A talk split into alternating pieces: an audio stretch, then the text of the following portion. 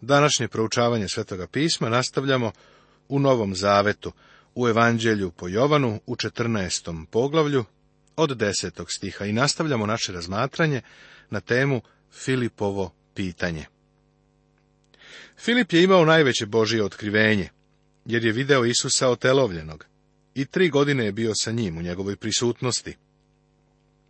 Sjeti se da pisac jevrejima poslanice kaže da je Isus ocijaj njegove slave i odraz njegovog bića u trećem stihu prvog poglavlja. Ko je video mene, video je oca. Ovo ne znači da si video istovetnu osobu, ali vidiš osobu istu u sili, u karakteru, ljubavi i u svemu ostalom. Video si sve što bi video u ocu, jer Bog je duh i koji mu se mole, treba da se mole u duhu i istini. Boga niko nikad nije video. Jedinorodni Bog, koji je u očevom krilu, on ga objavi. Isusa Hrista vidimo. Sa njim ćemo provesti celu večnost. Za nas koji ga volimo, životni cilj treba da bude da ga upoznamo. Zar ne veruješ da sam ja u ocu i da je otac u meni? Reči koje vam govorim ne govorim sam od sebe. Otac koji ostaje u meni, on čini dela. Isus ovde ukazuje na svedočanstvo njegovih reči i njegovih dela. Isti su. Jednaki su. Isus je bio savršeno dosledan. Vidiš, naš problem je da uskladimo reči i dela. Dajemo velike izjave i slavna svedočanstva, ali niko od nas ne živi savršen život. Zbog ovoga bi svaki hrišćanin trebalo da ima vreme priznanje. Kao što smo vidjeli u poglavlju 13. Isus kaže da nas mora oprati, ako želimo da imamo zajedništvo sa njim. Suviše hrišćana gubi zajedništvo sa Bogom jer misle da su u redu, ali njihove reči i dela nisu dosledni. To se mora priznati. Ispovediti. Da li si ikada primetio da se gospod nikada nije pozivao na sobstveni um i sobstvenu volju da bi doneo odluku? Reči koje vam govorim ne govorim sam od sebe otac koji ostaje u meni, on čini dela. Kada je on govorio, bila je to očeva volja. Sva njegova dela su bila očeva volja. Zato on kaže Filipu da kada Filip čuje Isusove reči, u stvari čuje reči oca. A kada vidi Isusova dela, vidi oca koji radi kroz Isusa. Primetit ćeš da je Isus u toku besede bio prekidan. Prvo ga je prekinuo Petar, pa Toma, a sada i Filip. Ali Isus nastavlja svoju besedu sve do 22. stiha, gde ga ponovo prekidaju. Verujte me da sam ja u ocu i otac u meni. Ako pak ne, verujte zbog samih dela. Isus kaže da ako na osnovu njegovih reči ne možeš verovati u njega, onda veruj radi njegovih dela. Ona će te uveriti. Zaista, zaista kažem vam, Ko veruje u mene, činit će dela koja ja činim, činit će i veće od ovih, jer ja idem k ocu. Kada je gospod bio ovde dole na zemlji, činio je divna dela i čuda. Ovi apostoli, kojima je uputio ove reči, također su činili iste stvari. Isceljivali su bolesne i podizali mrtve. Ipak, Isus kaže da oni koji u njega veruju, činit će i veće stvari. Šta je to veće što mogu učiniti. Simon Petar, koji ga se odrekao one noći kada je Isus uhapšen, propovedao je na dan Pentekosta i tri hiljade ljudi je uzverovalo. Razmišljam o ljudima svih ovih godina koji su svoj život uložili u zadobijanje ljudi za Hrista. Razmišljam o misionarima, kao što je George McKay koji je otišao u Ugandu. Kakav je to misionar bio? propovedanje raspetog, vaskrslog, proslavljenog spasitelja koji će se vratiti da bi slušaoci prihvatili Hrista i doživjeli na novo rođenje, jeste veće čudo od isceljivanja bolesnih. Jesam li u pravu? Šta je bolje, isceliti dušu ili isceliti telo? Kada je Isus Hristos bio na zemlji, činio je čuda i podizao, vaskrsavao, fizička tela ljudi. Ali mi imamo privilegiju da propovedamo Isusa Hrista ljudima, da bi ljudi i telo i duša živeli zauvek. Najveće postignuće je dovesti muškarce i žene u pravi odnos sa Bogom. Kako se čine ova veća dela? Jer ja idem k ocu. Vidiš, Hristos još uvek radi, ali danas on radi kroz ljude kao instrumente radi kroz krhku glinu koja predstavlja telo čoveka. Zapanjen sam činjenicom da biblijsku poruku mogu da saopštavam preko aparata a da se potom ljudi obraćaju Hristu. Prijatelju, to je ono veće. Da je Isus Hristos ovdje i da govori ljudima, to bi bilo veliko delo. Kada Isus Hristos uzme tebe i mene i kada kroz nas radi da bi dosegnuo ljude, to je veće. Da li si primetio kako često Isus govori o svom ocu? U ovom odeljku otac se spominje dvadeset puta i uvek ga spominje gospod Isus. I što god zaištete u moje ime, to ću učiniti, da se proslavi otac u sinu. Ako me što zamolite u moje ime, ja ću učiniti. On odmah nastavlja i kaže da su ove veće stvari posljedica molitve. Molitvena evangelizacija ili evangelizacija u molitvi je danas tako zanemarena. Ako me što zamolite u moje ime, ja ću učiniti. Ovi stihovi su pogrešno tumačeni. Veoma mnogo ljudi je ovo uzelo kao što pas uzima kost i sa njom otrči. Kažu da su se molili i da Bog prosto nije odgovorio na njihovu molitvu. Hrišćani mi govore da ovaj stih uzimaju zdravo za gotovo. Oni su se molili, Bog nije uslišio njihovu molitvu, tačka.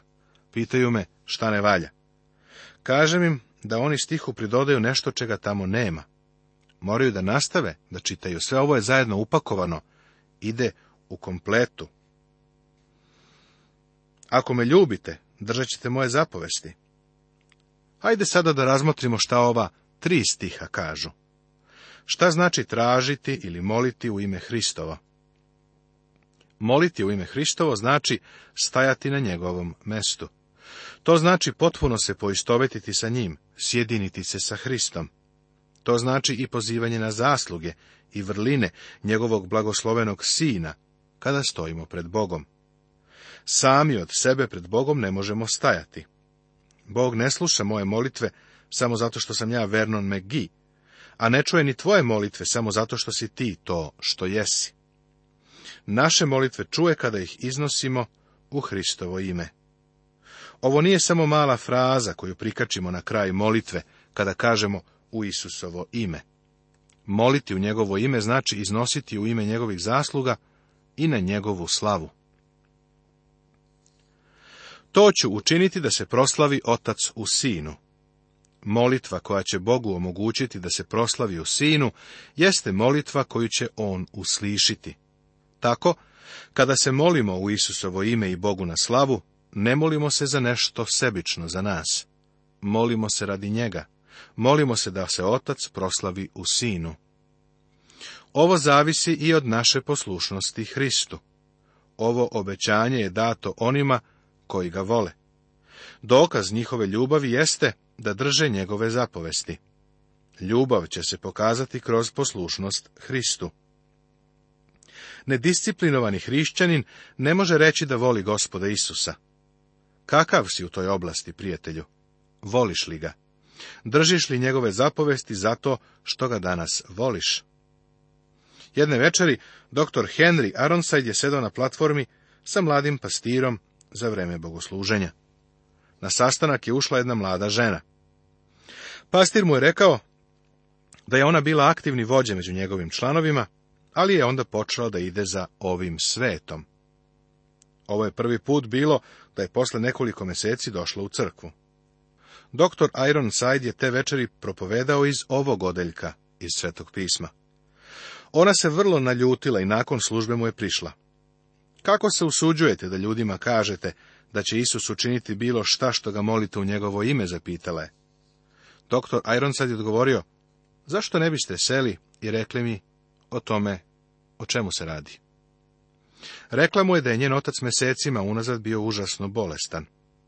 Dok je lekar bio u njegovoj sobi, ona je klečala u dnevnoj sobi, prihvativši to obećanje, molila se Isusu za očevo ozdravljenje. Kada je lekar izašao iz očeve sobe, rekao je da je otac umro. Pa sada rekao je, nemojte mi pričati o tome kako Bog ispunjava svoje obećanja. Doktor sad je kazao, a da li ste pročitali sljedeći stih? Ako me ljubite, držat ćete moje zapovesti. Zatim ju je zapitao šta bi se desilo da je našla ček napisan za nekog drugog i da je pokušala da ga unovči potpisujući se na to ime. Ona je odgovorila, bila bih falsifikator. Onda ju je on vratio na ovaj stih. Ako me ljubite, držat ćete moje zapovesti. Onda je zapitao, da li ste to činili? A umjesto da to odgovori, ona je pocrvenela. Zatim je objasnila da ono što je radila više ličilo na unovčavanje falsifikovanog tuđeg čeka. Svi mi treba da shvatimo, prijatelju, da je poslušnost Bogu dokaz naše ljubavi prema njemu. Ovo obećanje je dato onima koji ga vole. I ja ću moliti oca, pa će vam dati drugog pomagača, utešitelja, da bude sa vama do veka duha istine, koga svet ne može da primi, jer ga ne vidi i ne poznaje. Vi ga poznajete zato što boravi kod vas i bit će u vama. Ovo je jedinstvena činjenica doba u kome živimo. Duh sveti je bio ovde na zemlji i pre Pentekosta, ali na dan Pentekosta je došao da bi prebivao u vernicima. To je bilo novo. Sveti i duh ga upisuju ali je on utešitelj, njegovo ime, ako ima ime. Ovo mu ime vrlo odgovara, jer kom forter, utešitelj, kom znači uz, a fortis znači jak. On je jaki, koji je sa nama za uvek. On ne kaže da svet neće primiti duha istine. On kaže da ga svet ne može primiti. O, kad bismo ovo savladali! Boži duh može da uzme reč Božiju i da je otvori za vernika. Ali nespaseni čovek mora prvo da uzveruje u Isusa Hrista kao svoga spasitelja. Čovek iz sveta ne može da ga vidi, jer se Bog sagledava i obožava u duhu i istini. On se vidi duhovnim očima. Te oči i uši se otvaraju samo duhom Božijim i tada se razume Božja reč. Sveti duh je učitelj koji nas uvodi u istinu. Bez njega Biblija postaje istorijska knjiga, knjiga podataka. Duh sveti nas uči istinima iz Biblije. Sveti duh je na svetu, ali Isus kaže da će sada On biti u vama. Neću vas ostaviti sirotne, doći ću k vama. Grčka reč za sirotne je u stvari siročiće. Isus kaže da nas neće ostaviti kao siročiće, nego će nam doći u osobi Svetoga Duha. Još malo i svet me više neće vidjeti, a vi ćete me vidjeti i živećete zato što ja živim. U onaj dan ćete saznati da sam ja u svome ocu i vi u meni i ja u vama. Šta je onaj dan? To je dan u kome ti i ja živimo. To je dan koji je počeo Pentekostom. Vi u meni, ja u vama. Ovo je najdublja izjava Jovanovog evanđelja i cele Biblije. Ovo su sve jednosložne reči, koje i malo dete može razumeti. Ipak, ni filozof ne može da dokuči dubine njihovog smisla. Vi u meni, to je spasenje. Biti spasen znači biti u Hristu. Zato Petar kaže da se spasavamo krštenjem. Krštenje znači identifikaciju, poistovećenje, znači identifikaciju sa Hristom. Sve ljude Bog vidi kao one koji jesu ili kao one koji nisu u Hristu. Ili si verom u njemu, ili si izvan njega, sa svojim gresima koji su još uvek na tebi. Ako si u Hristu, onda te Bog vidi u Hristu, pa njegova pravednost postaje i tvoja pravednost. U potpunosti stojiš u njemu. Ja u vama, to je posvećenje, to je hrišćansko življenje ovde dole. Da li Hristos živi u tebi? Pavle kaže, tako ne živim više ja, nego Hristos živi u meni. A što sad živim u telu, živim verom u Sina Božijeg, koji me je zavoleo i sebe predao za mene. Ko ima moje zapovesti i drži ih, taj me ljubi. Ako ljubi mene, toga će ljubiti moj otac, i ja ću ga ljubiti i pokazat ću mu se. Nemoj govoriti kako voliš Hrista ako mu nisi poslušan. On to ovdje vrlo jasno iznosi. Isus će se objaviti onima koji ga vole. Nemoj misliti da će ta objava biti kroz viziju. Kasnije Isus kaže da Duh Sveti uzima ono što je Hristovo i pokazuje tebi. Gde on to radi? U Svetom pismu. Tu je Isus objavljen. Reče mu Juda ne iskariotski. Gospode, šta to bi da ćeš se pokazati nama, a ne svetu? Juda govori, Gospode, divno je biti ovde i slušati to što govoriš, ali jesi li zaboravio na svet? Evo prvog misionara. Gospod Isus mu odgovara i njegov odgovor predstavlja preostali deo poglavlja. Isus odgovori i reče mu, Ako me ko ljubi, držat će moju reč, pa će ga ljubiti moj otac. I doći ćemo k njemu i nastanit ćemo se kod njega. Kome ne ljubi, ne drži mojih reči, a reč koju slušate nije moja nego oca koji me je poslao. Ovaj svet će o gospodu Isusu saznati kroz mene i tebe, a za to je poslušnost imperativ. Govorenje ništa ne znači. Članstvo u crkvi ne znači ništa. Stvar je u našoj ljubavi prema Hristu, koja se pokazuje kroz našu poslušnost. Šta je sa tvojom ljubavlju prema Hristu? Da li te ona disciplinuje? Da li je Isus za tebe stvaran? Ovo su važne stvari. Ovo sam vam govorio dok sam bio kod vas, a pomagač, utešitelj, duh sveti koga će otac poslati u moje ime, on će vas naučiti svemu i podsjetit će vas na sve što sam vam rekao. Isus nije zaboravio svet, u stvari on o svetu razmišlja. Svoje učenike je pozvao u gornju sobu i dao im je istinu da bi je odneli u svet u sili svetoga duha. Istina se svetu može preneti jedino kroz ove ljude. Jovan je bio jedan od njih i napisao je ovo Jovanovo evanđelje. Napisao ga je za nas u sili svetoga duha. Isus ih uverava da će ih sveti duh naučiti svemu i da će ih na sve podsjetiti. Očigledno je da je to i učinio. Ostavljam vam mir, dajem vam svoj mir. Ne dajem vam kao što svet daje. Neka se ne uznemirava vaše srce i neka ne strahuje. Ovaj stih nas vraća na početak ovog poglavlja. Ovo je njegova posljednja reč utehe. Mir o kome ovdje govori nije mir zbog oproštenih greha, ovo je slavni, divni mir koji dolazi u srca onih koji su potpuno predati gospodu Isusu Hristu. Ovo je mir srca i uma onih koji žive u Božjoj volji. Čuli ste da sam vam rekao, idem i doći ću vam. Kad biste me ljubili, obradovali biste se što idem ocu, jer je otac veći od mene. I sad sam vam kazao, preno što se zbude, da poverujete kad se zbude. Neću još mnogo govoriti sa vama, jer dolazi vladar ovoga sveta. I na meni ne nalazi ništa. Ali, da svet sazna da ja ljubim oca, kao što mi je naredio otac, tako činim. Ustanite, hajdemo odavde. On im kaže da treba da se raduju, zato što on odlazi, jer će dobiti divne blagoslove. Isus Hristos se vraćao ocu, a potom im je poslao utešitelja. Isus im kaže da on više ne može mnogo sa njima da hoda ni da priča, pa i nije. Za nekoliko sati će ga uhapsiti, a njegovi učenici će se razbežati. Knez ovoga sveta je dolazio. Isus Hristos će imati još jedan okršaj sa Sotonom, koji se po mom uverenju dogodio u Gecimanskom vrtu. Nakon toga, Isus će otići na krst za grehe sveta nakon Hristovog vaznesenja, utešitelj će doći da se nastani i prebiva u vernicima.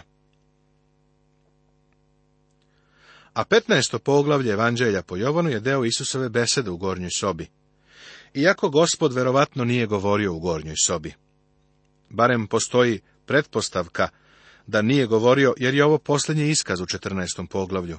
Ustanite, hajdemo odavde. Negde između gornje sobe i Gecimanskog vrta, gospod je izgovorio reči koje nalazimo u 15. i 16. poglavlju. Ali o tome ćemo više u našem narednom programu. Nastavit će se.